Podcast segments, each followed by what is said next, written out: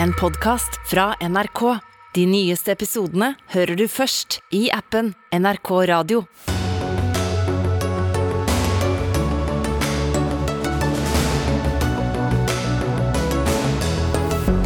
Stortinget krever at justisministeren oppretter et uavhengig varslingsombud for politiet etter rettsskandaler og varsler om fryktkultur.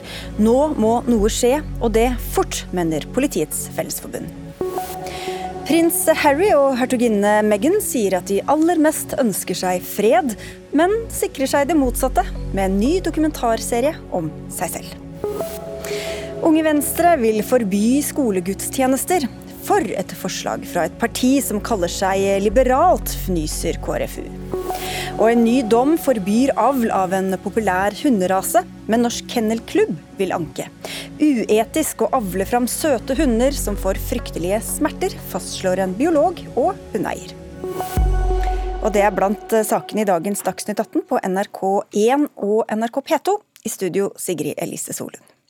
Et flertall på Stortinget krever at justisminister Emilie Enger Mehl får på plass et uavhengig varslingsombud for politiet. I mai mente justisministeren å ha funnet løsningen på det som er omtalt som en tillitskrise i politiet.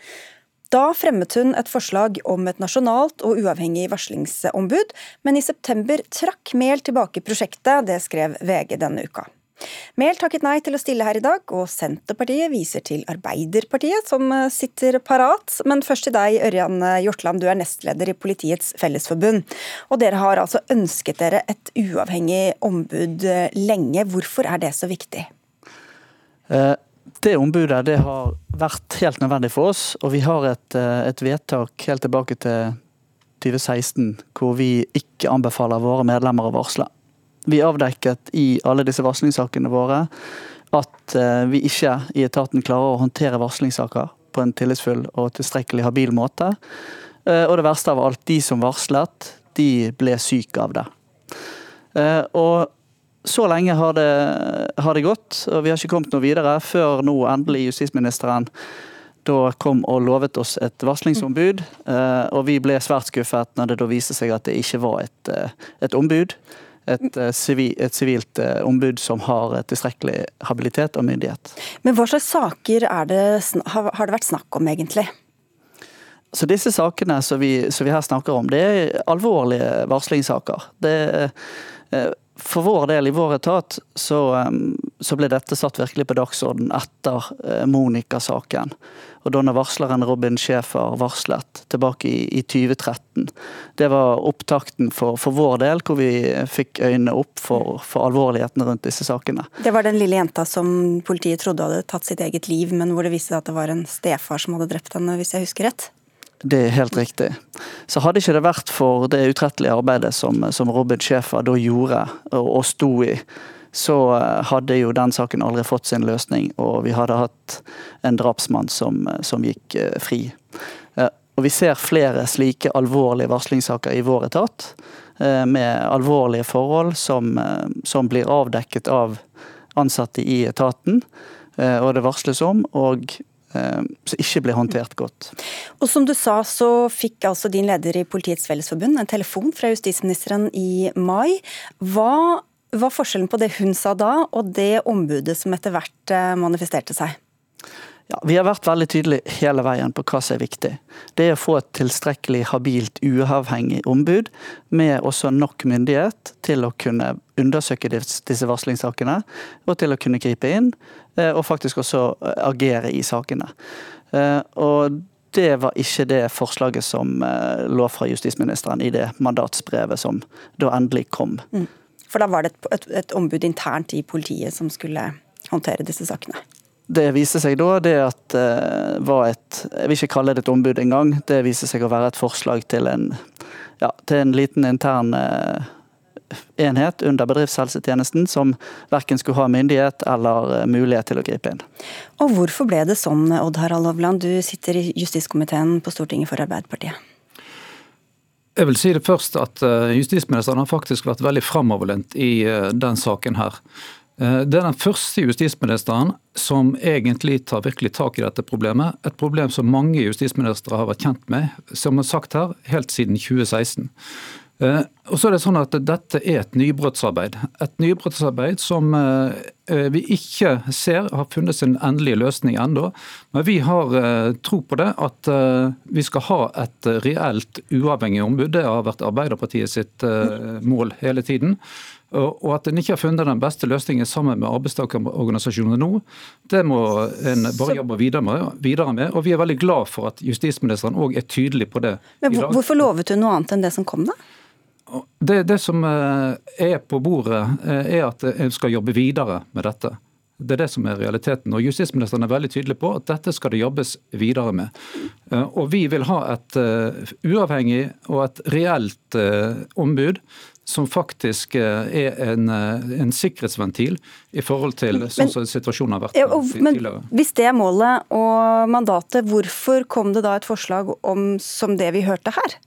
En har vært i en situasjon der en har vært i dialog med, med forbundet, annet, eller, eller arbeidstakerorganisasjonene. Eh, de har ikke vært fornøyd med det, og det sier justisministeren nå. Ja, men hvem er, som, hvem er ansvarlig for, det forslaget, for det forslaget som kom på bordet? Det forslaget det er nok justisministeren sitt eh, ansvar. Eh, men hun er òg nå tydelig på at hun jobber videre med dette. og Det er det viktige for oss. At eh, statsråden er tydelig på at hun jobber videre med dette og har en intensjon om at vi skal ha et fritt og uavhengig og et reelt ombud. Men hvorfor var det ikke det hun foreslo, da? Det må eh, statsråden svare for, men, men vi de, de, har sendt deg ut i denne krigen, så det er vanskelig å spørre henne om det. Ja, eh, det er det. Men, men eh, poenget er det at statsråden er tydelig på at hun jobber videre med dette, og at målet er et fritt og uavhengig og et reelt ombud. Og Det er viktig for Arbeiderpartiet og Senterpartiet i denne saken. Og for dere i Venstre, du, som du sitter på Stortinget for, Ingvild Vetrus Thorsvik, hva syns du om denne saksgangen? Nei, altså først må jeg jo si at altså, Grunnen til at dette er viktig, er jo fordi at vi vet at dette er et, et stort problem i politiet. Altså Nå har jo eh, mange av disse varslingssakene nådd media også, ikke bare fordi at det er eh, prekære varslingssaker i seg selv, men fordi håndteringa av varslerne har vært så dårlig at vi ser at folk blir syke og faller utenfor arbeidslivet. og Når, når Politiets Fellesforbund kommer med en anbefaling sånn som de har gjort, så er jo situasjonen uholdbar. Eh, og Så skjer jo da dette i mai, hvor, hvor statsråden da eh, kommer med en, en, en, tydelig beskjed til Stortinget og, og til, til media om at eh, nå skal vi sette i gang med arbeidet med å lage et, et nasjonalt varslingsutvalg. Og når da dette mandatet kommer, som jo ikke er et eh, ombud, som blir sagt, dette er jo basically en, eh, en, en samtaletjeneste nesten som skal ligge under bedriftshelsetjenesten, eh, som mer enn noe annet kanskje sykeliggjør varslere, fordi at de skulle ikke ha noe mandat til å følge opp, skulle ikke følge noe penger med det, eh, og, og, de skulle ikke kunne gi pålegg da, til, til, endringer. Så det som er spesielt, er jo nummer én at det, at det har blitt sendt et signal om at det kommer et, et uavhengig eh, ombud, og så gjør de ikke det. Men så har det heller ikke blitt retta opp overfor Stortinget. fordi altså, Flere av oss som, som, var involvert i disse sakene tilbake i mai, tenkte jo ok, nå kommer ja. regjeringen med dette, og så stolte vi på det, tok det som for god fisk, og så leverte man da ikke inn forslag fra opposisjonens side. Men det, Nå er dere utålmodige og misfornøyd, men for tre år siden så stemte dere mot et sånt uh, ombud sammen med Høyre og KrF og Frp. Hvorfor er det så viktig nå, men da var det ikke så viktig? Altså Begrunnelsen for at vi stemte imot tilbake da, var fordi at man ønska at, eh, at, det skulle ligge en, en, tjeneste under Arbeidstilsynet. Begrunnelsen for det var bl.a. Eh, at det i høringsinstansen eh, kom kritikk både fra Arbeidstilsynet og, og Likestillingsombudet mot at det skulle opprettes Men så hastverk var det ikke da, da, selv etter disse sakene nå er, som er oppe og framme? Nå er vi jo i en situasjon hvor vi ser at for det som, har, altså det som PF òg tar til orde for, er jo et nasjonalt varslingsombud, men det vi ser nå er at situasjonen i politiet er så prekær at Eh, det ville vært et veldig langt prekær lenge i politiet. Det er 2016 dette her kom opp. En har visst om dette veldig lenge. Det har vært eh, mange justisministre før eh, nåværende justisminister som har hatt muligheten til å gjøre noe med dette. her. Vi Men det er, er en som har lovet justis... det, og som ikke kom med det. Og Da lurer jeg fortsatt på hvor er det det butter? Jeg tenker at uh, det her har vært en prosess. Det er et nybrottsarbeid som krever faktisk uh, både nytenkning og uh, utredning, antagelig. Jeg tror det at det er mulig... Hvorfor er det så vanskelig å få hva er, det, hva er det som er så praktisk vanskelig med det? Jeg tenker kanskje at det må en lovendring for å få til et ombud som står på utsiden og som er uavhengig og som er et reelt ombud. Og Det krever nok litt tid, men dette gir statsråden nå veldig tydelig signal på at en vil jobbe videre med. og Det er vi veldig fornøyd med. Altså, det som Hovland var inne på i stad, er at dette er sammen da med arbeidstakerorganisasjonene. Det har det jo heller ikke vært. fordi de har jo ikke, Noe av kritikken deres er jo nettopp at de har ikke blitt involvert i utformingen av dette mandatet. Og det å ikke involvere de som faktisk går i dette, som, som, som, som møter medlemmene sine og vet hva de har gått gjennom, er jo veldig spesielt. Vi er nå i dialog med de, og uh, først og fremst så håper vi jo at regjeringen kommer med det som vi lover, men vi er i dialog nå med, med Høyre og Frp og kommer til å fremme et forslag på Stortinget som ikke Mehl leverer det. Et øyeblikk Hovland, for vi skal få inn deg også fra Politiets Fellesforbund i Osland. Hvor lyttende vil du si at eh, departementet har vært i denne saken? Nei, Dessverre så har jo ikke justisministeren tatt kontakt med oss, selv om vi prøvde å være i forkant for å gi våre innspill før mandatet kom ut. Eh, nå er vi der vi er i dag. Jeg er veldig glad for at justisministeren har eh, tatt til orde punkt én, for at hun er helt enig med oss. Det er en helt uholdbar situasjon. Eh, og punkt to, hun er enig med at det skal gjøres noe. Eh, og nå håper jeg virkelig at hun tar kontakt med oss, og vi skal spille hun god og få til et, et godt mandat til det ombudet som vi trenger. Men hva tror du er grunnen til at det forslaget som kom ble som det ble, da? Det vet jo jeg ikke. Vi var ikke eh, der å kunne komme med våre innspill. Så om hun har eh, ja, ikke helt forstått alvoret og situasjonen som er spesielt for disse varslerne, eller om eh, hun har fått andre råd, det kan ikke jeg svare på. Og Hvis dette kommer opp i Stortinget fra opposisjonen, Hovland, hva gjør dere da? Det som eh, justisministeren har sagt, er at hun jobber videre med dette. her, og det er klart at Hvis det kommer opp i Stortinget, så er det jo ingen grunn for å være imot det. Men det er spesielt at det er de partiene som har hatt justisministre i mange år før dette, først nå kommer på banen. Eh, dette har de, de hatt muligheten til å gjort noe lenge før. og Det er spesielt og nesten litt useriøst at en nå skyter på den første justisministeren som faktisk tar tak i problemet. Eh, i motsetning til at en har hatt muligheten til dette lenge før. Og som sagt, Det var i 2016 eh, Norsk Politiforbund eh, gjorde sitt vedtak.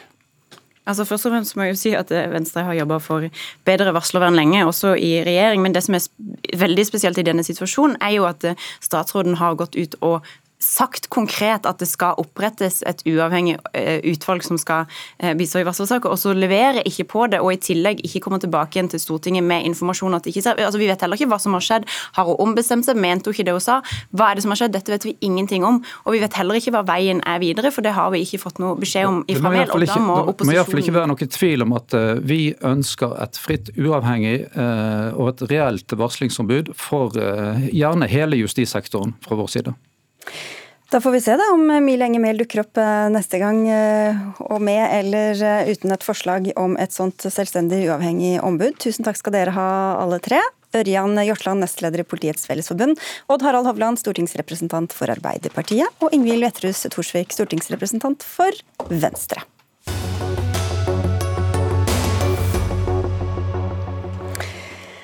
Meghan og Harry, kjærlighetshistorien om den amerikanske skuespilleren og den britiske prinsen. Idet mange er ferdig med den siste sesong av The Crown, slipper Netflix dokumentarserien om paret som forteller mye om hvor vanskelig det er med all oppmerksomheten. Så nå får de enda mer oppmerksomhet når de forteller om seg selv og forholdet til omverdenen, og ikke minst til den britiske kongefamilien, eller The Firm som den ofte kalles. Korrespondent eh, Gry Blekastad Almås, du er med oss eh, fra utenfor Buckingham Palace i London. De tre første episodene ble altså sluppet i dag. Hvordan er de blitt mottatt av britiske medier? Jeg vil si det er blanda mottakelse, eh, men mye er negativt. Det er de som mener at det er eh, kvalmende pute-TV og anbefaler å ha en spybøtte ved siden av seg når man, man ser på dette her. Eh, kaller det narsistisk TV, rett og slett.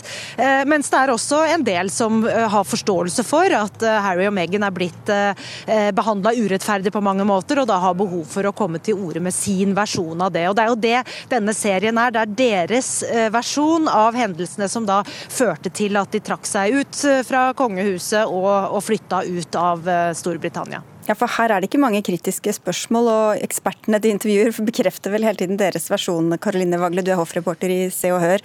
Og Hva slags bilde er det de selv tegner av disse siste årene? Altså, De tegner jo et veldig rosenrødt bilde av seg sjøl eh, og det de står for, eh, men som de ikke fikk lov å stå for eh, i kongehuset. Sånn at det er jo, som du sier, ingen kritiske spørsmål, ingen kritiske kilder. sånn at det blir jo veldig entydig. Og vi får jo aldri høre den andre parten si noe, fordi at egentlig så er det jo sånn i kongefamilien at de tier alt i hjel. Så sånn sett så er det jo litt sånn urettferdig fremstilling. Samtidig så eh, syns jeg jo at det er interessant å se, og at eh, vi skal lytte til det de har å si, for dette er ting vi ikke vet noe om, og som aldri har vært snakka om, og som man skal eh, ta på alvor, eh, rett og slett. Mm. Men hva er de verdiene som de mener at de står for, og som da kanskje står i konflikt med det kongehuset ellers står for? Jeg tror jo eh, Megan var vant med å kunne eh, være politisk. Eh, hun har drevet veldedighet før og vært på en måte ganske aktiv på den måten, men, og trodde at hun skulle kunne bruke det i kongehuset, men det er en helt annen måte man gjør det på som arbeidende kongelig. og Jeg tror at hun følte at hun fikk munnkurv, at hun ikke kan si hva hun vil, ikke kan kle på seg hva hun vil, ikke kan være ei fri kvinne, liksom. Men igjen, vi skal huske at vi har bare den ene sida av saken eh, når vi ser den veldig rosenrøde eh, dokumentaren. Gry, britiske medier får jo gjennomgå ganske kraftig, også ikke minst når Harry snakker om oppveksten sin og skjebnen til moren eh, Diana. Nok en gang, og ganske betimelig, eller? Ja, altså Det er jo kraftig kritikk som kommer mot britisk eh, presse og paparazzi-fotografene eh, særlig, da, eh, som eh, forfulgte eh, hans mor Diana, eh, som vi vet, og som jo har fulgt han helt siden hans, han var barn. og Det er jo et klipp i denne dokumentaren også som, som viser dem på alpinferie sammen, og, og paparazzi-fotografer som prøver å filme dem når de ikke skal, og, og, moren hans da går og konfronterer dem, og han skryter da av sin mor som konfronterte dem på den måten hun gjorde gjorde. Og han sier jo at han var redd for at, skulle, at historien skulle gjenta seg eh, da han selv stiftet familie. Eh, og begge to eh, sier jo at de var, eh, følte seg utrygge på at sikkerheten deres rett og slett eh, var ivaretatt. Og jeg, jeg, vil jo si at den eh, dokumentarserien, de tre episodene som nå er sluppet, der retter de mest av sin kritikk egentlig mot britisk presse, mye mer enn mot kongehuset. Og Hvordan tar pressen imot den da? Er det noe selvkritikk politikk å spore? Eh, egentlig ikke. Eh, det er mye kritikk i eh, avisene her mot måten de gjør dette her på, og det paradokset av at sant, mens de da kritiserer pressen for å bryte deres private grenser, så går de da ut i en dokumentar på denne måten hvor de utleverer veldig personlige ting. Altså at det er et paradoks der. da De velger å utlevere veldig personlige både tekstmeldinger, videoer og historier i denne dokumentaren, samtidig som de eh, ber om eh, å få bevare privatlivets fred. Men det er klart dette reiser jo noen veldig interessante eh, prinsipielle spørsmål rundt hva man kan kreve av kongelige. Skal de være allemannseie, eller skal de få lov til å ha private grenser? Og, og, skal, og hvordan skal pressen og pre pressekontoret da, til Buckingham Palace her f.eks. samarbeide? og der vet vi jo at eh, forholdet mellom britisk presse og eh, pressen til kongehuset, eh, pressekontoret der, ikke er spesielt godt, sånn som det er i dag. Og Forholdet mellom dette paret og resten av kongefamilien har vel heller ikke vært spesielt godt, eller hva, Vagle? Hvordan portretterer de dette? Nei, det har jo eh, helt fra det intervjuet med Oprah for halvannet år siden, så har jo Harry vært veldig tydelig på at han ikke har et godt forhold til faren sin og broren sin lenger. Eh, men snakka veldig varmt eh, om sin mor. Han kaller seg for sin mors sønn og en som handler ut fra hjertet og ikke fra hodet.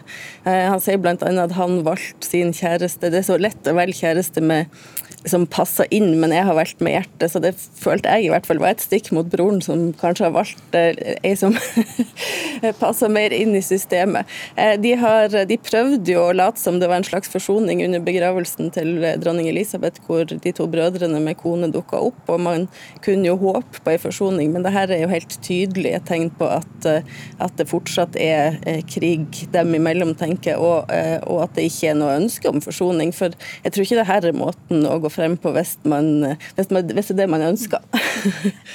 Gry, rasisme og hudfarge spiller også en stor eh, rolle i serien, særlig i en episode. Hva slags bilde tegner de av eh, britisk presse på dette punktet, og Storbritannia ellers for øvrig? Ja, altså Meghan eh, forteller jo denne dokumentaren om hvordan hun opplevde å komme fra USA til Storbritannia, og, og den rasismen hun, hun, møtte på her. Eh, og Harry har vært opptatt av at ikke det er blitt ordentlig tatt tak i, og at de liksom ikke er, er, fikk lov til å uttrykke eh, sin misnøye med det, da, eh, og kjempe den kampen. Eh, så er det klart at kongehuset her har jo andre historier også nå i den senere tid med rasisme, at det er et spørsmål som eh, kong Charles må ta tak i. og denne dokumentaren og disse uttalelsene som nå kommer fra eh, Harry og Meghan, blir jo sett på som eh, den kanskje første store prøven for kong Charles som overhode for det britiske eh, kongehuset, og hvordan han da skal takle det, og hvordan han kanskje kan bruke dette også på en måte å modernisere monarkiet på, som han har vært opptatt av. Men det blir jo Det er selvfølgelig vanskelig for han, for han er jo ikke bare konge, han er jo også pappa oppi dette her. Eh, og kritikken mot Harry og Meghan går jo på at den måten de gjør det på, eh, gjør at det kanskje aldri er noen vei tilbake eh, for dem når de gjør det så offentlig, så personlig og så kritisk da, som de gjør i denne dokumentaren. Og noen kommentar fra kongen er vel heller ikke kommet, Vagle? Nei, og det er jo svært sjelden at det skjer, men det kan skje. Jeg er spent. og hvis noen får det med seg, så er det i hvert fall du. Takk skal yes. du ha, det hoffreporter Se og Hør, og takk til vår egen Gry Blekastad Almås.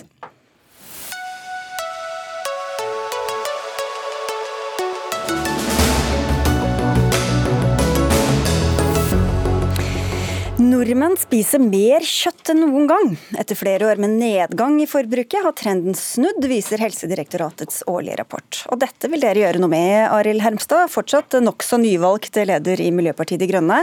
I deres alternative budsjett vil dere gjøre kjøtt dyrere og frukt og grønt billigere. Hvordan skal det skje? Det viktigste er jo eh, at vi får opp selvforsyningen i Norge. Vi har en av de laveste selvforsyningene i hele verden, og den har gått nedover og nedover. Eh, og når vi spiser mer kjøtt, så får vi dårligere grunnlag for å være selvforsynt. Så fjerner vi moms på plantekost, så får vi nordmenn til å spise mer plantekost. og det gjør også at vi kan produsere mer av den maten som vi spiser på norske ressurser. Og Det er viktig for oss. Så nå er det selvforsyning som er argumentet, men tidligere er det vel både klima og helse som har eh, vært argumentene? Altså, jeg, veldig ofte så er jo det som er bra for klimaet, veldig bra for beredskapen. Og Vi ser det jo spesielt i den krisen vi står i nå, hvor matprisene i verden har gått i været. Eh, og hvor vi er nødt til å spise lavere i næringskjeden, rett og slett fordi at vi skal klare å brødfø både nordmenn og resten av verdens befolkning. Og det er også veldig gode nyheter for, eh, både for arealforbruket og for klimaet at vi spiser mindre kjøtt. Så ikke moms på frukt og grønt, eh, men mer moms på kjøtt? Det er riktig. og er, Da kan du få en helhetlig landbrukspolitikk hvor du baserer mer av det vi spiser her hjemme på norske ressurser. Et angrep kaller dere dette, Wilfred Nordlund, du sitter i næringskomiteen på Stortinget for Senterpartiet. Ja, det er jo spesielt å se at både MDG og Høyre øker avgiftsnivået på norske matprodukter i en situasjon hvor norske forbrukere har problemer med å få betalt alle regningene. Og de forslagene som MDG eh, legger fram i sitt alternative eh, budsjett, har jo ikke noen helhet i seg som sådan. Man sier man skal ha mer utmarksbeite, men man skal ha mer rådyr. Man sier at man skal fjerne momsen på frukt og grønt, som du riktig var inne på. Men det som er utfordringen med frukt og grønt, som for øvrig har økt 1,5% i omsetning siste, per år de siste ti årene i seg selv, det er jo det at en stor andel av det vil jo være økning av importerte frukt og grønnsaker. og Det er klart at det vil ikke bidra til klima eller nå målet som MDG prøver å henge foran. Det er rett og slett et angrep på norsk matproduksjon basert på utmarksressurser egentlig MDG har, og så unnskylder de seg med et stort avgiftsgrep som eh, egentlig vil ramme norske forbrukere og, og norske matvarepriser. Det ville jo vært uh, veldig overraskende hvis Nordlund skulle sette seg inn i helheten i vårt opplegg i, statsbudsjettet og i jordbruksoppgjørene. Eh, vi øker ikke avgiftene. altså Det blir billigere med mat med vårt opplegg. fordi at eh, den avgiftsnedgangen på frukt og grønt den er større enn oppgangen på kjøtt. Og så er det sånn at Vi legger om eh, mer beitestøtte. Vi ønsker å ta ned i dag er det veldig gunstig å importere kraftfôr. Det ønsker vi å gjøre mindre av. Og så har vi da en visjon om at det vi spiser av kjøtt i Norge, det skal ikke være basert på importert kraftfôr fra andre land. Og da, eh, da går ikke det regnestykket til Nordlund opp. Og Norge har et enormt potensial for å produsere mer plantekost i Norge. Bare et spørsmål Nordlund før vi går videre. Hvor, hva mener dere er et passelig nivå for kjøttspising i Norge, da? Vi har norske nasjonale kostholdsråd som tyder på, eh, viser hvordan man mener at norske befolkning bør spise for å sunt. Det bør enhver eh, okay. følge den grad de sjøl mener det er fornuftig, men det vil være en stor fordel. Men la meg nå okay, si nei, nei, bare Vent litt, der, for vi har med kostholdsrådene, holdt jeg på å si. Linda Granlund, du er divisjonsdirektør i Helsedirektoratet og la fram denne rapporten i dag. Hva er det vi spiser mer av og mindre av nå?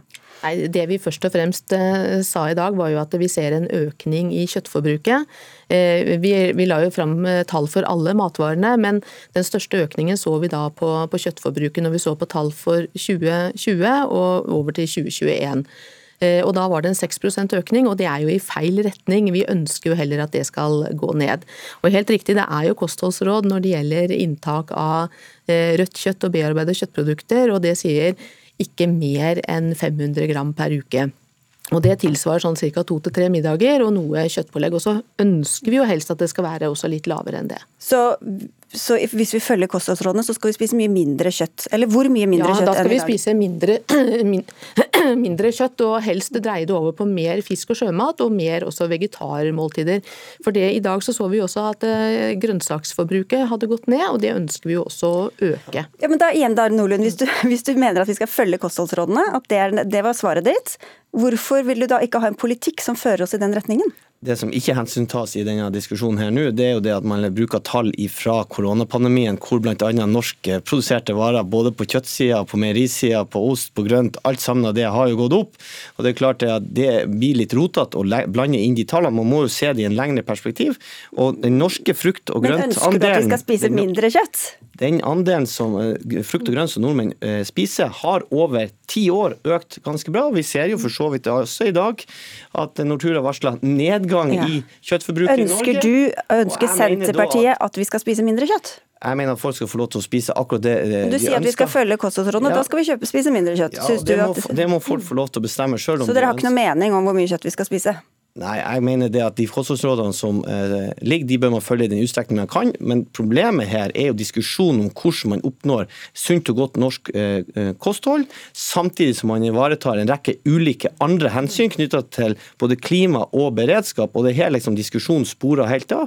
For det vi i Norge har store forutsetninger til å produsere på sida av potet og mye kålrot, det er jo nettopp det at vi kan produsere rødt kjøtt på utmarksressursene, okay. og ikke på importert kraftfôr. Fordi det er mange, som, mange bønder som sitter på jord de ikke kan dyrke direkte til menneskemat?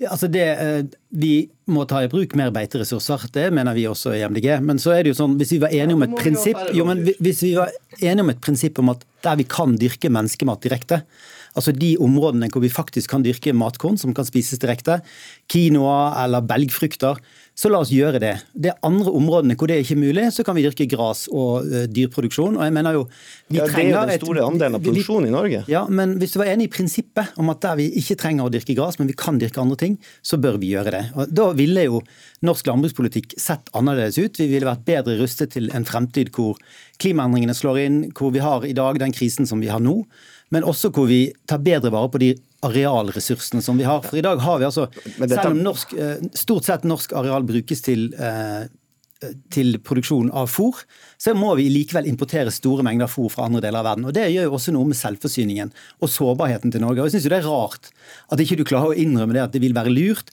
både for selvforsyningen, for, for helsen vår, for miljøet, om vi hadde politikk som fikk oss til å dempe kjøttforbruket. Ja, altså, jeg, Nå kommer jeg selv fra, fra Nord-Norge. Vi kan jo produsere ganske mye frukt og grønt, for å bruke det uttrykket, men det vil i stor grad være kålrot og potet. Utfordringa er jo at det også er det beste utmarksbeiteområdet. Og De her samme dyrene som beiter på utmarksbeite, som du sier du ønsker mer ut av, de må nødvendigvis ha gress og til dels også noe norskprodusert kraftfôr om vinteren. Og det vil være sånn at Den helheten som MDG da foreslår, stemmer ikke overens med terrenget. Man kan ikke ta foreslå en politikk akkurat hvordan landbruket og området rundt det sentrale Østlandet ser ut. Man må ta hensyn til at det er ulike forutsetninger i hele landet. og Det er den totaliteten om hvordan vi kan sikre norsk matproduksjon som blir viktig, samtidig som vi bidrar til matsikkerhet og vi fortsetter å ha god dyrevelferd og lav antibiotikabruk. Du, du skal få svare, men bare Granlund, for her er det jo snakk om en avgifter, det er egentlig det som var utgangspunktet her fra forslaget for MDG. Hvor viktig er prisen for hvilke matvarer vi velger? Ja, for Nå vil jo ikke jeg inngå i den politiske diskusjonen som et direktorat, men, men det er jo, det er, vi vet jo at både pris og tilgjengelighet er jo de viktigste driverne for forbruk. Det er godt kjent, og prisvirkemidler er jo viktig for å drive forbruk i en spesifikk retning. Det er det god dokumentasjon på også fra Verdens helseorganisasjon. Hva slags mat er det som er um, dyr, og hva slags mat er billig nå, da? Nei, altså Hvis man skal bruke avgiftspolitikk, så har jo Helsedirektoratet flere ganger foreslått uh, til, til politisk ledelse at man kan se på en det vi kaller for en sunn skatteveksling. At man, man, øker eh, avgifter på det som man skal spise mindre av, og heller eh, reduserer avgiftene på det man skal spise mer av. Det er, det er en type politikk vi vet fungerer, men så må det jo da være en enighet politisk for å gjennomføre det. Så vi gir jo bare de faglige rådene i så måte. Mm. Nordlund? Ja, altså det kan, eh, Debatten er jo velkjent som sådan, men da havner vi jo inn i en annen diskusjon, og det er knytta til grensehandel og import. sant? For det er klart at Øker du avgiften for mye på, på sukkerholdige varer, da, for å bruke det, det er jo egentlig det som er mye av lokkevarene knytta til grensehandel, så vil jo også nødvendigvis eh, utenlandsgrensehandelen øke. og Da får vi jo lavere norsk handel og lavere norsk produksjon. så det her er altså, det å klare å treffe den planken her i den blandinga sett opp mot både kostholdsråd og alle ulike politiske hensyn skal tas. Og skal vi øke norsk matproduksjon, ha den beredskapen som ligger i bunnen, basert på norsk utvalg, så er, vi, så er, vi, så er vi nødt til å ha en helhetlig Det er totaliteten her eh, som du blir beskyldt for ikke skjønne noe av, Hermstad. Ja, men det som er Utgangspunktet er at Senterpartiet sitter i regjering. Eh, de har ingen forslag til gode politiske endringer på hvordan landbruket skal takle den krisen vi står i nå, hvordan de skal takle bedre de klimaendringene som kommer, og hvordan eh, vi skal ha et matsystem i Norge men som ligger opp under kostholdsrådene. Men beskylde hverandre for ting. Altså, ok, la meg, la, meg, la, meg, ja, la meg, spørre deg om en annen ting, da. Ja, nei, ja, det, ok, ok, ok. Hører da. Men, men, men, ja, ja, men du nevnte jo poteter, man kan si for seg beter, rotfrukter, ting som man kan klare å dyrke i Norge. Men hvis vi skal spise mye mer grønnsaker, så er det jo veldig mye som er avhengig av drivhus. Er det så klimavennlig? Miljøvennlig, egentlig? Eh, man trenger ikke dyrke alt dette i drivhus. Eh, det er veldig mange belgfrukter vi kan dyrke i Norge. Eh, vi kan dyrke erter, og vi kan også dyrke ting som kan inngå i det som veldig mange nå kjøper istedenfor en vanlig hamburger. Så kjøper veldig mange vegetarburgere. Her er det masse muligheter for norsk næringsliv til å drive innovasjon, til å skape produkter som det er stor etterspørsel etter, og som veldig mange ønsker seg. Og det går hånd i hånd med at vi kan ta vare på utmarksbeite og også distriktslandbruket, som i dag, mener jeg, får med Senterpartiet sitt opplegg, så får distriktslandbruket spesielt vanskelige kår. Granlund, til slutt her, Hvilke andre tendenser ser du? Vi nevnte quinoa og vegetarburgere. Er det eh, noe folk faktisk spiser, eller? Altså, det har vi ikke kommet med tall på i dag, men de tallene jeg la frem i dag var ikke så veldig positive. Altså, vi så en nedgang på de tingene vi trodde vi så en forbedring på i fjor. Eh, og det er eh, uheldig. Vi så en nedgang på kornforbruket. Vi ønsker jo at det skal øke, sånn at vi får i oss også mer fiber. Eh, vi så en nedgang i grønnsaker. En ørliten økning i frukt og bær, men den var veldig marginal. Så det var egentlig et litt dystert bilde jeg tegna på presentasjonen i dag. Så det er behov for å gjøre noe for å klare å få oss alle sammen til å spise mer i tråd med kostrådene. For det er sunt for oss alle sammen. Da får vi se da om det var pandemien som eh, lokket oss til kjøttdisken og snackshyllene, eller om dette er en forbigående trend. Takk skal dere ha alle tre. Arild Hermstad fra MDG, Wilfred Nordlund fra Senterpartiet og Linda Granlund fra Helsedirektoratet. Om litt her i Dagsnytt 18 skal det handle om det retten mener er uetisk hundeavl, men nå noe ganske annet. For det skjedde i de dager at mange elever tok veien fatt til skolegudstjeneste. Eller de dager skal i hvert fall komme i ukene framover. Men dette bør ikke lenger være en mulighet. Skolegudstjenester skal forbys, sa du til Nettavisen, Anne Breivik. Du er leder av Unge Venstre. Det var da voldsomt? Ja, altså, Jeg syns ikke det er så fryktelig radikalt, jeg. Eh, jeg har tatt til orde for å forby skolegudstjenester, eller rettere sagt å forby forkynning i skoletiden. Og Det handler om at den norske skolen den skal være livssynsnøytral. Den skal ikke være tett sammenkoblet et spesielt livssyn, men likevel så får vi hvert eneste år meldinger om at elever blir eh, tatt med i religiøse seremonier i skoletiden, at det deles ut religiøse tekster, at de tar ut på religiøse vandringer. Og det er vel og fint å markere religionen sin, men det er noe som kan gjøres på fritiden, ikke i skoletiden. Så nå vil dere endre opplæringsloven, og det får deg til å steile, Hadle Rasmus Bjuland, du er leder i KrFU. Ja, altså jeg synes jo dette her er bare vitner om en berøringsangst for tru og kristne verdier. og Jeg trodde faktisk vi hadde kommet lenger i 2022. Jeg mener Denne berøringsangsten bare fører til splittelse og til mer fordommer, istedenfor å lære mer om, lære om ah, kristen tru og lære om religioner og lære om de verdiene som har bygd dette landet. Så, ja. Men, men hvorfor, altså En ting er jo å lære om det, men hvorfor skal man ha det som kalles forkynning? Altså at man eh, lytter til prekener og bidrar da, eller er med i religiøse Eh, gudstjenester og andre ting. Jeg synes Det er flott at vi kan samles i kirka før jul, der vi kan få sitte. Eh, elever, uansett hva tro du har eller hva bakgrunn du har, og kunne få lære mer om hva slags røtter og verdier som dette samfunnet er bygd på. Eh, og Det mener jeg er helt essensielt for å møte de altså Samfunnet vårt det blir mer og mer, eh, det utvikler seg og blir mer og mer moderne, og det er vel og bra. Men da tror jeg det er viktig at vi òg lærer om røttene våre, og lærer hvor vi kommer fra. Eh, det tror jeg gjør oss bare åpnere og tryggere i møte med andre kulturer og religioner. Og det mener jeg at Skolegudstjeneste er et viktig tiltak for å hjelpe og så er jo dette et helt frivillig tiltak. Så dette, men jeg mener det er veldig viktig at eh, skolene legger til rette for det, sånn at eh, elever kan få lære om tro og røttene og historien. Men så er jo ikke skolegudstjenesten en form for opplæring, det er en form for forkynnelse. Dersom, dersom, det hadde vært en form for opplæring, så ville man jo ikke åpnet for fritak, dersom det faktisk var en del av oppfyllelsen av læreplanmålene. Og så må man jo gjerne få opplæring i tradisjon, historie. Det kan man gjøre uten å delta i religiøse seremonier. Det å dra til en kirke på en ekskursjon, f.eks., og snakke med presten og snakke litt om hva eh, den kristne høytiden faktisk er, men Da går man jo glipp av et ganske sentralt element, da, hvis man ikke overværer selve gudstjenesten? Men det er noe ganske annet enn å delta i selve gudstjenesten. Og det er jo problemet med skolegudstjenestene, at elever nettopp deltar i det. Og så i tillegg også Frivillig? Frivillig til dels, men uh, det er jo slik at ofte så er det uh, alternative opplegget til skolegudstjenester. Det er ofte ganske annenrangs, er ofte dårlig organisert. Og i tillegg så er det ikke alltid slik at det opplyses godt nok om hvordan man kan søke fritak. Og så oppleves det jo dessuten som ekskluderende for de som kanskje ikke er med alle vennene sine i kirka, i tillegg til at det tving, presser dem til nettopp å gjøre det synlig hvilken religiøs tilhørighet man har. Jylland. Nei, altså, det, jeg føler denne Debatten er bare vitner liksom, om den berøringsangsten Ane og Unge Venstre har for nettopp tru. fordi Det virker nærmest som de påstår at du har skade av å delta på en gudstjeneste, men det er ganske ufarlig å delta på en gudstjeneste, i tillegg til at dette er et helt frivillig tiltak. Eh, jeg tror bare det vitner om til mer forståelse for hva slags verdier som halvparten av befolkningen kjenner seg igjen i, og som er medlem av Den norske kirke. Om ikke alle har personlig tru, så tror jeg de fleste i befolkningen likevel kan ha en tilknytning til vår kristne kulturarv og se verdien av, eh, av av eh, arven vår og den historien som dette landet er bygd på. Men, men, du, og det, det jeg lurer på, kan jeg bare spørre deg, Anne, Hva er det du mener elever tar skade av av å få et sånt tilbud? Fordi Du vil jo forby at de skal få tilbud. Det er det som denne saken her handler om.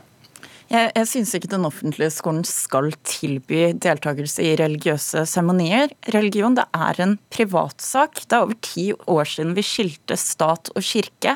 Da er det ikke slik at, det at Den norske kirke skal ha en sterkere tilknytning til den offentlige skolen enn andre religiøse samfunn har. Og Det er jo også et moment ved dette. Det er ingen andre religiøse samfunn der årlig hundrevis av skoler tilrettelegger for deltakelse i religiøse seremonier. Men, men selv om ikke vi har en statskirke lenger, og selv om det er mange, mange religioner i samfunnet vårt nå, så har jo kirken en særstilling i det norske samfunnet. Og Det er jo nettopp derfor vi lærer mye om kirken og kirkens stilling i norsk kultur gjennom KRLE-undervisningen, der kristendommen for så vidt utgjør halvparten av faget. Men nettopp det at elever skal delta i religiøse seremonier i skoletiden, det mener jeg er prinsipielt galt. Og hvorfor skal denne religionen behandles annerledes enn andre livssyn, Bjuland? Nei, altså jeg mener at uh, Først og fremst fordi at den kristne kulturarven og den kristne verdien er det som har bygd dette landet. Det kan man jo lære om på andre måter, kan man ikke det? da? Ja, men jeg synes det er flott jeg, at vi kan samles før høytiden og lære om hvorfor vi feirer de ulike kristne høytidene, og hvorfor vi som storsamfunn feirer disse høytidene, og hva slags uh, verdier det har hatt utslag for det samfunnet vi lever i. Uh, men ikke minst så syns jeg det er veldig spesielt det som Ane nå trekker fram, at du ønsker å forby dette tilbudet, for dette er jo noe som allerede fungerer veldig bra. Altså Utdanningsdirektoratet har allerede ganske tydelige retningslinjer som legger til rette for at du oppfordrer skolene om å gi dette som et tilbud, men så òg det skal være andre alternativ for de som ikke ønsker. Så her er, her er Ane som, eh, og Unge Venstre, som utgjør seg for å være et liberalt parti, her tar de til orde for å bruke statlige grep med å forby et frivillig tilbud, som er, betyr veldig mye, og som, ikke minst betyr, eh, og som ikke minst er veldig viktig for å lære om den arv og historien som kristelig kulturarv har hatt bety for samfunnet. Jeg syns jo det er en misforstått form for valgfrihet at barn eller elever skal utsettes for forkynnelse i skoletiden. Igjen, dette, og det er nettopp men, det gudstjenester er. Men det er jo frivillig. Altså, hvorfor, du sier at noen føler seg presset. Hvor har du det fra, egentlig? Altså Det å utsettes for forkynnelse i skoletiden, det kan uh, oppleves som en form for religiøst press. Og så kan man godt si at det er Tenker frivillig. Tenker du selv, eller er dette noe vi har undersøkelse på, eller? uh, det er jo slik at man da Altså det leses opp salmer, det leses opp religiøse tekster, nettopp med det formålet å bedrive forkynnelse. Og det kan man godt spørre Den norske kirke om, hvorvidt skolegudstjenester er forkynnelse. Det er jeg ganske sikker på at de ville svart bekreftende på. Og Problemet er jo nettopp den favoriseringen favoriseringen av én spesifikk religion. At man sender elevene flere ganger, eller i hvert fall minst én gang i året, på gudstjenester på vegne av den religionen, der mange kanskje kan oppleve at det egentlig ikke er så aktuelt å delta på det, det alternative opplegget, fordi det ofte er dårlig organisert. Til slutt her, Bjuland, eh, Vi sier det er frivillig, men det er jo foreldrene som må gi fritak for de som er under 15 år, er det vel? Så hva, hvor lett er det for dem da, hvis de egentlig ikke ønsker det? Altså, dette her er iallfall en praksis som jeg vet fungerer ganske bra allerede nå. Det jo, Hvordan vet du det, da? Det er tydelige retningslinjer. og dette har vi hatt, Disse debattene har vi hatt hvert år, men har, de, bare for noen år siden så ble det nettopp tydeliggjort i regelverket at Utdanningsdirektoratet skulle oppfordre skoleeier til å, å, legge til rette for det. Okay. Men, men, eh, jeg bare syns at her konstruerer og, og aner et problem som ikke ja. fins. Nå tror jeg vi går i ring. Ingen visste om det fungerte eller om det ikke gjorde det. men Takk skal dere ha i hvert fall for at dere kom og synset litt her i Dagsnytt 18. Ane Breivik, leder i Unge Venstre, og Hadle Bjuland, leder i KrFU.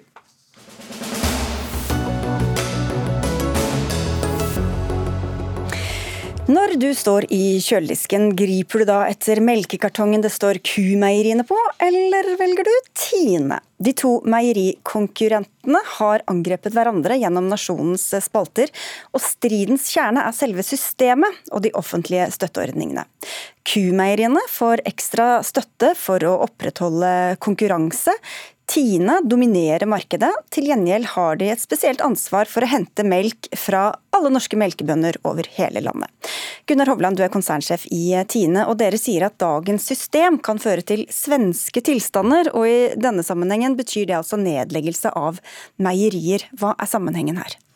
Altså, Tine er som du sier eid av 9000 melkeprodusenter over hele landet. og um, Samfunnsoppdraget vårt det går på det at vi skal hente melka uansett hvor den måtte oppstå. hen både her og der, og der som ingen skulle tro at noen kunne bo til og med. Eh, og det vil si at eh, Dersom en fortsetter å bruke over 200 millioner i året til å subsidiere våre konkurrenter, så vil det etter hvert eh, bli vanskelig å levere på det oppdraget der. Og Vi må tilpasse kapasiteten til det. Fordi 200 millioner kroner i året det er veldig kraftige subsidier. Og disse Subsidiene har jo vært nå i snart 20 år. og Vi har brukt over 2 milliarder på å etablere disse konkurrentene. og Nå er det blitt sterke, dyktige konkurrenter som gjør en veldig god jobb ute i markedet og bør kunne stå på egne bein. Men det var greit inntil nå, eller? Ja, altså Vi aksepterer at dette ble innført for uh, ca. 20 år siden. Men nå er det på tide at de står på ene bein, som du sier? Ja, vi tenker sånn. At det er på tide. Dere tenker vel ikke helt sånn, Kristine Aasheim. Du er styreleder i Q-meieriene og med oss fra Lillehammer. Men 20 år med konkurranserettede subsidier, hvor lenge trenger dere det, da? Ja, først og fremst vil jeg si det at eh, konkurranse det er utrolig viktig for eh, vekst, innovasjon, og forbrukerne heier på konkurranse. Og så er det sånn at Tine er superdominerende i Norge. De har eh, over 80 markedsandel hvis du ser hele kategorien meieriprodukter. Og det er klart at det er en ordning som handler om avgifter og tilskudd. Og Kumeieriene betaler faktisk 70 millioner kroner mer hvert år inn i avgifter enn vi mottar i tilskudd. Så vi er sånn sett med på å finansiere hele denne ordningen. Og det er viktig å si det at 200 millioner i året til konkurransefremmende tiltak, det er fryktelig lite det for å nettopp lage litt konkurranse i dette markedet her. I forhold til det Tine mottar, rundt 900 millioner mottar de hvert år på samme ordning. Så jeg synes det er viktig å få frem når han snakker om disse to milliardene. Hvis du tar de ti siste årene, så har faktisk kumeieriene betalt 800 eh, millioner kroner mer i avgifter. Og Det har gått f.eks. til å sponse nettopp det som eh, Hovland snakker om, inntransporten av melk. Det har gått til å sponse eh, Norvegia-osten til Tine. Mm. Hovland. Mm. Ja, så Tine også betaler inn netto pluss i den ordningen der. Så mm. det er også myndighet til å si at vi betaler inn 1,1 milliarder. Veldig lønnsom bransje det her, da. Ja, altså, det som er systemet som hun forklarer, er at Dersom du henter melk der ingen skulle tro at noen kunne bo, det koster penger. Og Tilsvarende så bruker en altså tilskuddet og avgiftene til å balansere ut markedet, sånn at det er mulig for alle produsenter å få den samme betalingen for melka si, uansett hvor landet de bor. Det er viktigste med ordningen. Og Det er ganske bred politisk enighet om, men veldig viktig også, at alle produsenter har like muligheter for å tjene penger på melka si, enten du bor i Finnmark eller i Tana eller hvor som helst. Men, men dere har jo en omsetning på et øyeblikk på, på 24 milliarder kroner, bare for å mm. slenge enda et tall eh, inn i potten her. Men hvor, eh, hvor små marginer har dere da? Hvor lite må altså hvor mye må dere tjene for at eh, dere skal klare å hente all denne melka? Det er ikke det grunnen det handler om. Altså. Det handler rett og slett om det at de melkeprodusentene der ute skal ha like muligheter for å tjene penger på melka si, enten de bor på Jæren eller i Tana. Det er det som er hensikten med ordningen. Ja, Men, det, men altså, er det sånn at dere da ikke får råd til å hente denne melken, eller hvor er det det butter her? Der du, du bruker 200 millioner kroner da kan du si, årlige tilskudd til andre, så flytter du automatisk ganske mye markedsandeler fra Tine til våre konkurrenter. Og Den flyttingen har jo ført til at vi eh, det tilsvarer volumet som vi har på en seks-sju meierier langs kysten som vi har nå.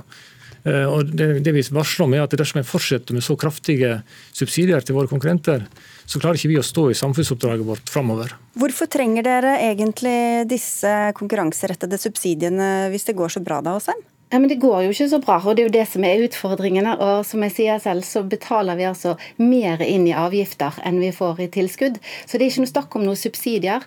Og det er også tull og en avsporing av hele debatten, det å snakke om markedsregulatorrollen. For den får Tine betalt for, og vi vil gjerne diskutere alternative måter å gjøre tingene på i forhold til markedsreguleringen. Så det, det tar vi gjerne en egen diskusjon på. Ja, vil, vil dere også kjøre land og strand rundt for å hente melk, eller? Vi henter melk også, helt riktig. Vi har egen egne kubønder som er utfordrere. Det er faktisk bare 7% som har valgt å gå ut av, av samvirket og levere til kumeieriene. Og det er jo det som er størrelsesforholdet her som er viktig å se på. Eh, Tine har altså 24 milliarder i omsetning, kumeieriene har 2 milliarder. Eh, og det som er viktig å si, at så lenge det har vært konkurranse, så gjør jo det alle mye bedre. Tine har jo hatt en fantastisk vekst så lenge vi har konkurrert. Og det er jo egentlig bare 25 år år vi har konkurrert. Og jeg vil si at Når du går da fra 10 milliarder til 24 milliarder, og det er innenlandsk konkurranse, og vi klarer å skape innovasjon, vekst og utvikling, så må det være mye mye bedre enn at vi er tilbake igjen til monopolet og Tine får lov å styre hele markedet. For det er det som fort kan skje.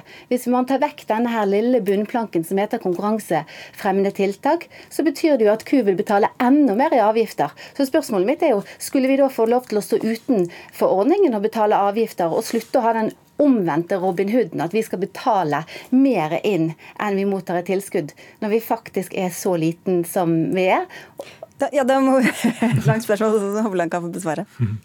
Altså, det som er Poenget med ordningen som er i dag, er at det samtlige meieriaktører de får kjøpt melka til melkeprodusenten til eksakt samme betingelser. Det gjelder både Tine, Ku og Synnøve. Og så er det en særordning, særtilskudd til konkurrentene våre på 200 millioner i året, som de får som er spesielt utenfor ordningen. Alt andre er helt likt. Og så er klura kan jeg si, som vi ønsker å få fram her, at vi har hatt denne ordningen her gående nå i 20 år, og Hvis du går i butikkhylla i Oslo eller i Bergen, så vil du se at vi er ganske like store der ute. Så ordningen var helt rett å innføre for 20 år siden. Nå er det like riktig å avvikle den og konkurrere på like vilkår. Det eneste vi ber om.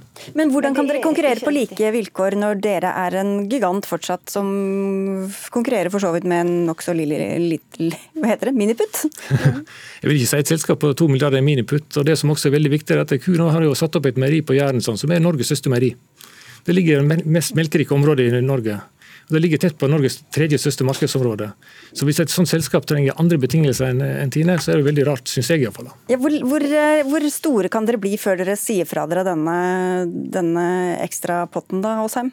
Så lenge det er eh, strukturelle ulemper for de små aktørene, så må du faktisk utligne eh, konkurranseulempene. Og så trenger jo jeg også få sagt det at eh, vi har to meieri. Tine har 34 meieri rundt i landet. Tine har faktisk investert 19 milliarder kroner de siste 15 årene. Og det har de investert i de store byene. Investert på Kalbakken, investert i Bergen. For nettopp å sentralisere sin virksomhet. Og når Tine har muligheten til å gjøre de svære investeringene der, eh, ja, da tror jeg at det er fare for konkurransen fremover. Og jeg tenker at Tine må faktisk gå i seg selv og, og se på fordelene med konkurranse. Mm. Fordelene for utvikling av norsk melk. Og det er også kjempebra for bonden. Okay. At vi faktisk utfordrer hverandre. Det er vi hjertens enig i at det er kjempefordel med konkurranse. og Vi har veldig dyktige konkurrenter i Ku og Synnøve og de andre. Og ikke minst 30-40 gårdsmeierier som må gjøre en kjempejobb ut mot markedet. Det er helt fantastisk bra, det, men det må være på like vilkår. Det er eneste poenget vårt. Og like og vilkår handler faktisk om å starte på samme startstrek, og da må du utligne mm. konkurranseulempene som er i markedet. Fortsatt uenige? Takk skal dere ha, Gunnar Hovland, konsernsjef i Tine, og Kristine Aasheim, styreleder i Q-meieriene. Hunden er jo menneskets bestevenn, sies det, men nå kan en del potensielle venner forsvinne. For lagmannsretten har besluttet å forby videre avl på hunderasen Cavalier King Charles Spaniel. Grunnen er at mange, hundene, mange av hundene får kronisk hodepine og hjertefeil. Per Espen Fjell, du er biolog og hundeeier, og har skrevet en kronikk på NRK Ytring med tittelen 'Hundetortur satt i system'. Hva er denne torturen? Den ligger i at disse rasene, kavalier og for så vidt andre raser, de er over tid avlet til et utseende og en kropp og en anatomi som gir de store plager. Og Det er jo ingen tilfeldighet at de har, blitt, har fått det utseendet og blitt seende ut som de gjør. altså Mopsen med dette flate nesa og den pustebesværet. Dette er noe man har jobbet med systematisk over tid. Det er det avl der, å systematisk jobbe fram et utseende man vil ha. Og så er bivirkningen av det utseendet at disse får store smerter og plager. Eh, og Da tenker jeg at det er ikke nødvendig å ha de rasene. Det er nesten 300 andre raser som er flotte hunder. Velg de. Og Her eh, var altså både tingretten og lagmannsretten enige med dere når det gjaldt denne ene eh, rasen. Men Norsk Kennelklubb som også sitter her, de vurderer å anke til Høyesterett. Hva syns du om det, da? Jeg syns det er et pussig standpunkt for en eh, klubb som har som formål å ivareta hundehelse. Og det gjør de veldig mye bra på, det skal sies. De gjør veldig mye fint arbeid i Norsk Kennelklubb, men her går det litt i grøfta, etter min mening. Eh, jeg syns Kennelklubben faktisk skulle vært så proaktive at de tok tak i dette før dette havna i rettssystemet. Og lyttet til fagmiljøene. Altså Veterinærene i Norge har hatt store opprop. 1580 veterinærer skrev et opprop hvor de sier at denne form for avl ikke er bærekraftig. Og Det står i policypapirene til Veterinærforeningen at dette med disse anatomiske trekkene, som er innenfor rasestandard, det er uønskelig, og det er ikke bra for hundenes helse. Hundetortur satt i system, hørte vi her. altså. Anne Live Buvik, du er kommunikasjonsrådgiver i Norsk Kennelklubb. Er du enig? Det syns jeg er et veldig dramatisk ordvalg å kalle det for hundetortur. Men du sier Fjell her noe om at vi burde grepet tak i dette her, disse problemene før. Vi har aldri benekta at det finnes raser som har helsemessige utfordringer. Men dette er problemer som er grepet fatt i, som det er godt i gang med øh, prosjekter, helseundersøkelser, utvalg, screeninger, for å komme problemene til livs. Vi har lykkes langt på vei. Uh, Lagmannsretten behandlet jo også uh, engelsk bulldog, og fant ut at det arbeidet som var gjort der, var tillitsvekkende, det hadde vist fremgang, så det var ingen grunn til å forby videre avl på den rasen. Men her kom det jo til annen, en annen konklusjon, da. Og hvorfor vil dere da bestride det eh, når de sier at dette er så store helseplager? Det som er grunnen, hovedgrunnen til at Norsk Kennelklubb vurderer å anke denne dommen, den beslutningen blir tatt om en ukes tid, er ikke primært for å redde en eneste rase og tenke å vi må ha kavaler for enhver pris. Men det er fordi at vi ønsker en avklaring med hvem som skal forvalte dyrevelferdsloven i Norge. Det syns vi er et viktig prinsipielt spørsmål, og det er ikke bare vi som syns det er et viktig prinsipielt spørsmål. Er det domstolen etter private søksmål? For det er også viktig å ha for seg at denne rettssaken var et privat søksmål fra Dyrebeskyttelsen mot Norsk Henneklubb. Det var ikke myndighetene som hadde funnet grunn til å prøve dette for retten. Det var, det var en eh, privat organisasjon. Eller er det Mattilsynet, som da er eh, den forvaltningens organ? Eh, fagkunnskaper, der er det veterinærer, det er inspektører, de har kunnskap, de har hands on. De ønsket ikke dette forbudet. De vitna i retten og hadde ikke noe ønske om å få et forbud mot, mot rasene. Fjell.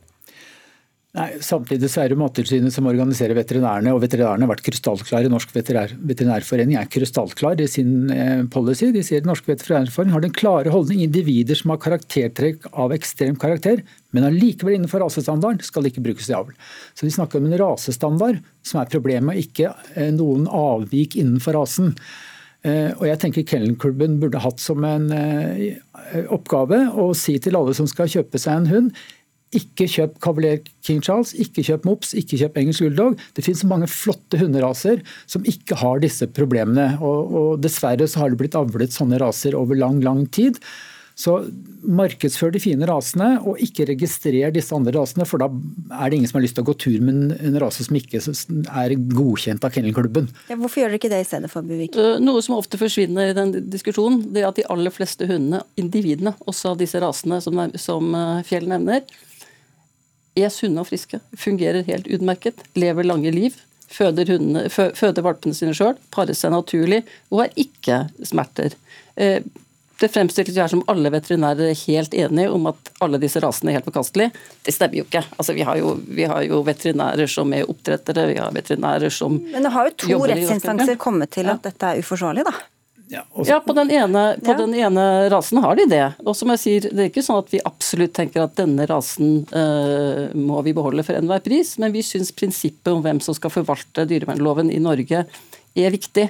Og da er det også, hvis, dette, hvis, denne dommen blir stående, så blir det jo også sånn at hvis det er andre ting, f.eks. at uh, dyre, en eller annen dyrevernsorganisasjon syns at det er feil med sau på utegang, f.eks., for, eksempel, for da brekker de jo beina og blir syke. og Da kan man saksøke bonden og si at du får ikke lov av sau på utegang. Så prinsippet der er vår hoved, vårt hovedønske. Det er sikkert veterinærer som ikke er enige, men Veterinærforeningen har en policy som er krystallklar. og 1580 veterinærer har skrevet under på et opprop, så jeg syns det er ganske overbevisende. Eh, og nå er det sånn at Norsk lov kan alltid prøves i en rett, så, så det vil man jo alltid kunne stå overfor. Eh, poenget mitt er at Norsk Kennelklubb må ta et standpunkt og si at disse rasene er ikke innenfor. Og det er faktisk et flertall av de hundene i forhold til andre raser som har disse problemene. Med pusteproblemer, med smerter. Det er en høy andel, mye høyere andel av den type problemer i de rasene enn i andre raser. Hvis du legger det prinsipielle litt bort, som du var inne på, mm. Buvik. Syns dere at dette er en rase som dere oppfordrer folk til å kjøpe seg?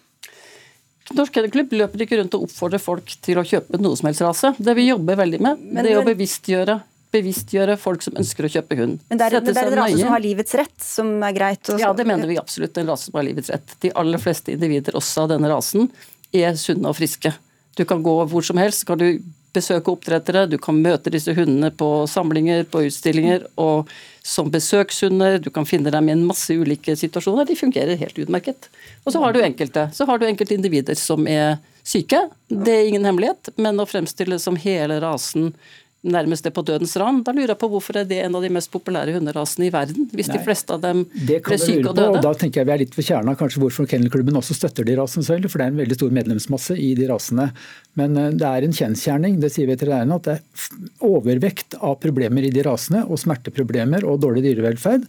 Og da kan Kennelklubben bare vise til en av de 300 andre rasene som ikke har det problemet. Flotte, fine, søte, vakre hunder som folk kan velge og styr valget til folk. Jeg tror ikke folk må ha en, en kavaler. Jeg tror folk er ute etter å få en koselig, fin, søt hund, og da er det mange finere å velge i. Styr dem inn på de, de, sunne, friske rasene. Hva er negativt hvis dette blir forbudt, da? Det, hvis dere anker og det går helt til Høyesterett og de står fast ved det lagmannsretten har sagt? Hva du mener, hva som er... Hva, hva, kan være negative konsekvenser ved det? Konsekvensen med det i utgangspunktet, sånn som den dommen står, så er det, fordi at dette er et sivilt søksmål, så er det en dom som det det gjelder, tre, det, gjelder tre, det gjelder tre oppdrettere som får forbud mot å avle. Så for Norsk Kennelklubb kan de ikke fortsette å registrere hundene, men alle andre kan fortsette. Å avle dem. og Det er fullt mulig å importere disse hundene. Det er den bra dem. tingen. Hvis- Men vi mister, vi kommer til å miste, kontrollen? Vi mister, ikke bare kontrollen, men vi mister oversikten. Ja, og Hvis det ikke registreres hos Kennelklubben, så blir det ikke så populært å ha de, og da blir det færre av hundene og færre med smerteproblemer. Det er poenget. Det blir færre av de. Vi har allerede eh, forbudte hunderaser i Norge. Denne burde være en av de polista. Hvis du ser hva som har skjedd i Norge de siste årene, så vil du oppdage at det er veldig mange såkalte rasehunder som selges uten papirer, uten noen ting. Folk, Det reklameres til og med, ikke NKK-registrert. Her kan du kjøre, kjøpe dem som du vil. Så at hunder forsvinner hvis du ikke får registrere dem? Nei, det gjør de ikke. Dere, nå får vi se hvor dere lander om en uke. Takk skal dere ha, Per Espen Fjell som er biolog, og Anne Live Buvik fra Norsk Kennelklubb. Dagsnytt 18 er over for i dag. Anne Katrine Førli, Vegard Erste og Sigrid Solund, takk for følget.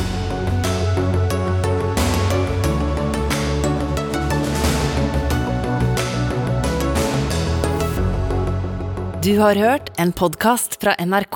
De nyeste episodene hører du først i appen NRK Radio.